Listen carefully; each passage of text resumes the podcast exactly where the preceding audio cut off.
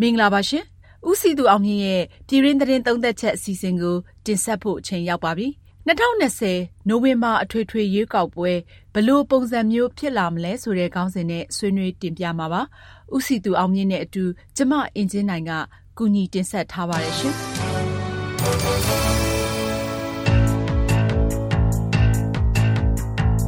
။အခုဆိုရင်ပြည်ထောင်စုရွေးကောက်ပွဲကော်မရှင်ကနေလာမယ့်နိုဝင်ဘာလအတွင်း အထွေထွေရွေးကောက်ပွဲကျင်းပပေးမယ်လို့ထုတ်ဖော်ပြောဆိုလိုက်ပါပြီ။ဒါပေမဲ့ဘယ်နေ့ဘယ်ရက်ကျင်းပမလဲဆိုတာကိုတော့တိတိကျကျမကြေညာသေးပါဘူး။ကော်မရှင်တာဝန်ရှိသူတွေပြောဆိုချက်အရရွေးကောက်ပွဲကျင်းပမယ့်နေ့ရက်အတိအကျကို2010တုန်းက3လနီးပါးအလိုမှာကြေညာခဲ့ပြီး2015ခုနှစ်မှာတော့4လကြိုပြီးကြေညာခဲ့တဲ့အကြောင်းအခုလည်းအဲ့လိုမပြောင်းလဲပဲကြေညာမှာဖြစ်ကြောင်းပြောဆိုထားပါတယ်။အခုဆိုရင်နိုမာလာရောက်ဖို့9လလောက်လိုနေသေးတာမို့ ကော်မရှင်ကနေရွေးကောက်ပွဲကျင်းပမယ့်ရက်အတိအကျကြေညာတာဟာ2020ဇူလိုင်လအတွင်းဖြစ်နိုင်လိမ့်မယ်လို့ခန့်မှန်းရပါတယ်။အရင်စစ်အာဏာရှင်တွေကျင်းပပေးခဲ့တဲ့2020ရွေးကောက်ပွဲကနေစတွေ့ရင်လာမယ့်ရွေးကောက်ပွဲဟာတတိယအကြိမ်ကျင်းပတဲ့ရွေးကောက်ပွဲဖြစ်မှာပါ။နိုင်ငံရေးပါတီတွေရောပြည်သူတွေကပါစိတ်ဝင်စားနေကြတဲ့လာမယ့်ရွေးကောက်ပွဲဟာရှေ့မှာနှစ်ကြိမ်ကျင်းပပြီးခဲ့တဲ့ရွေးကောက်ပွဲတွေနဲ့ဘာတွေကွာခြားချက်ထူးခြားချက်တွေရှိမလဲ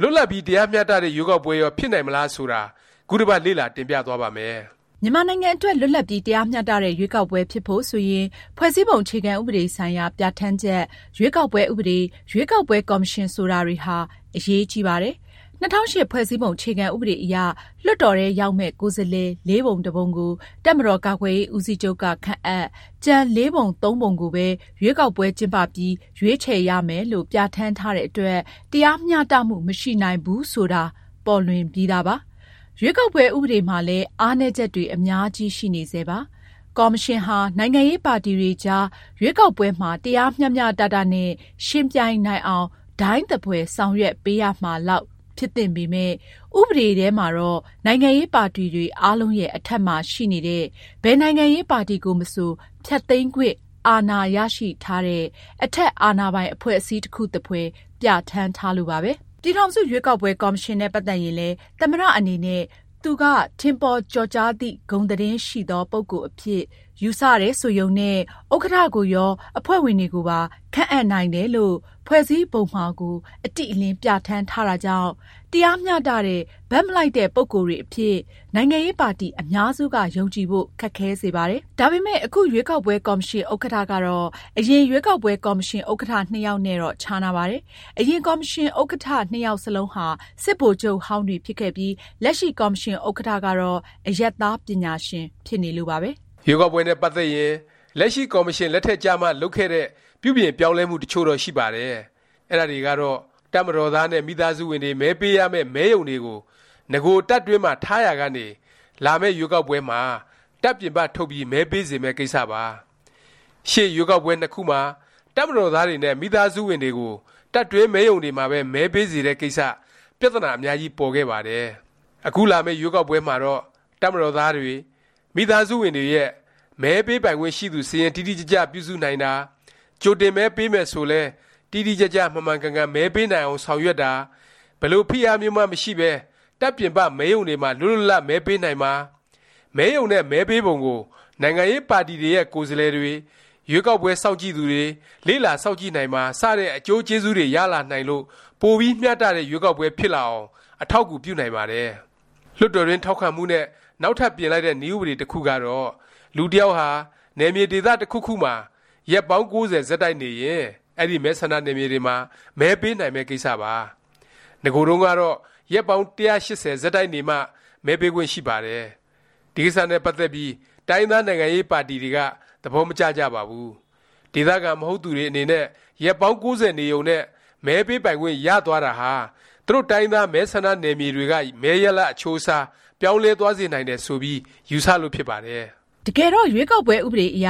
ကိုမဲဆန္ဒနယ်မြေမှာကိုမနေပဲအဝေးတနေရာရောက်နေသူတွေအနေနဲ့အဝေးရောက်မဲပေးခွင့်စနစ်ဟာရှုပ်ထွေးပြီးအဆင့်လည်းအလွန်များပါတယ်။ဒါကြောင့်ရှေ့ရွေးကောက်ပွဲနှစ်ကြိမ်မှာအဝေးရောက်ပြည်သူများပေမယ့်အဝေးရောက်မဲပေးသူရာခိုင်နှုန်းကတော့အလွန်နည်းခဲ့ပါတယ်။အဲဒီရှုထောင့်ကကြည့်ရင်တော့နေရာတစ်ခုမှာရက် ၉၀ နေခဲ့သူတွေကို မဲပေးခွင့်ပြုလိုက်ခြင်းအားဖြင့် မဲပေးမယ့်သူ အရည်အတွက် တိုးပွားလာနိုင်ပြီး မဲပေးခွင့်ဆုံးရှုံးသူ နည်းသွားနိုင်စရာ အကြောင်းရှိပါတယ်။လက်ရှိ ကော်မရှင်ရဲ့ နောက်ထပ် ကြိုးပမ်းမှု တစ်ခုကတော့ ပြည်ပရောက်နေသူတွေ မဲပေးခွင့် မဆုံးရှုံးအောင် စီစဉ်ဆောင်ရွက်နေမှုပါ။အားလုံးသိကြတဲ့အတိုင်း သန်းနဲ့ချီတဲ့ မြန်မာနိုင်ငံသားတွေ နိုင်ငံခြားထွက် အလုပ်လုပ်ကြပါတယ်။တရားဝင်သွားသူတွေ ရှိသလို၊တရားမဝင် သွားရောက် အလုပ်လုပ်နေသူတွေလည်း ရှိပါတယ်။နမူနာအားဖြင့် ထိုင်းနိုင်ငံမှာ သွားပြီး အလုပ်လုပ်နေသူ သန်းနဲ့ချီ ရှိနိုင်တယ်လို့ ခန့်မှန်းထားပါတယ်။ဒါပေမယ့် ပြီးခဲ့တဲ့ ၂၀၁၅ ရွေးကောက်ပွဲကို ပြန်ကြည့်လိုက်ရင် ထိုင်းနိုင်ငံကနေ ကြိုတင်မဲပေးသူ ၆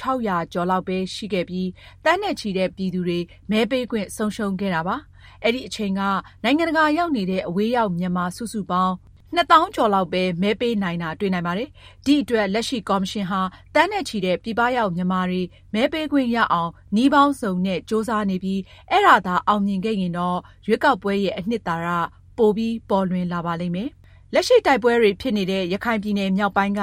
မဲဆန္ဒနယ်မြေတွေမှာ မဲပေးနိုင်မလား ဆိုတာကတော့ ကော်မရှင်နဲ့ သိပ်ပြီး မသက်ဆိုင်လှပါဘူး။ ပြည်ထဲရေးနဲ့ ကာကွယ်ရေးဝန်ကြီးဌာနလိုမျိုးက သဘောတူမှသာ အကောင်အထည် ဖော်လို့ရပါလိမ့်မယ်။လာမယ့် ရွေးကောက်ပွဲမှာ နောက်တစ်ခု ပိုလာမယ့် ကိစ္စ တစ်ခုကတော့ ကမ္ဘာကြီးတစ်ခုလုံး Covid-19 ပြသနာအောက် ရောက်နေတာမို့ အဲဒီ အခြေအနေအောက်မှာ ကျင်းပရမှာမို့လို့ပါပဲ။နိုင်ငံရေးပါတီတွေအတွက် စည်းကမ်းချက် အသစ်တွေနဲ့ လှုပ်ရှားရမှာ ဖြစ်ပါတယ်။ရွေးကောက်ပွဲ လေ့လာစောင့်ကြည့်ရေး ကိစ္စတွေနဲ့ ပတ်သက်လို့ကတော့ အရင် ၂၀၁၅ ခုနှစ်တုန်းကအတိုင်း ပြည်တွင်းပြည်ပရွေးကောက်ပွဲလေ့လာစောင့်ကြည့်သူတွေကိုခွင့်ပြုမှာဖြစ်လို့ပွင့်လင်းမြင်သာမှုရှိနိုင်ပါတယ်။အားလုံးကိုခြုံငုံသုံးသပ်ကြည့်လိုက်ရင်လာမယ့်နိုဝင်ဘာကျင်းပမယ့်၂၀၂၀အထွေထွေရွေးကောက်ပွဲဟာ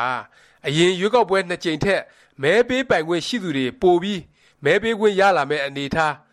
တပ်မတော်သားနဲ့မိသားစုဝင်တွေဆီကနေပိုပြီးတိကျမှန်ကန်တဲ့မဲတွေရလာနိုင်မယ့်အနေအထားစတာတွေတွေ့လာနိုင်တာမို့ပွင့်လင်းလွတ်လပ်တဲ့ရွေးကောက်ပွဲတစ်ခုအဖြစ်မျှော်လင့်နိုင်ပါတယ်။ အခြားသောဒီမိုကရေစီနိုင်ငံအများစုနည်းတူတရားမျှတမှုရှိဖို့ကိစ္စကတော့၂၀၀၈ဖွဲ့စည်းပုံအခြေခံဥပဒေပါအချက်တစ်ချို့ကိုပြင်ဆင်မှဖြစ်နိုင်မယ်ဖြစ်ကြောင်းပါ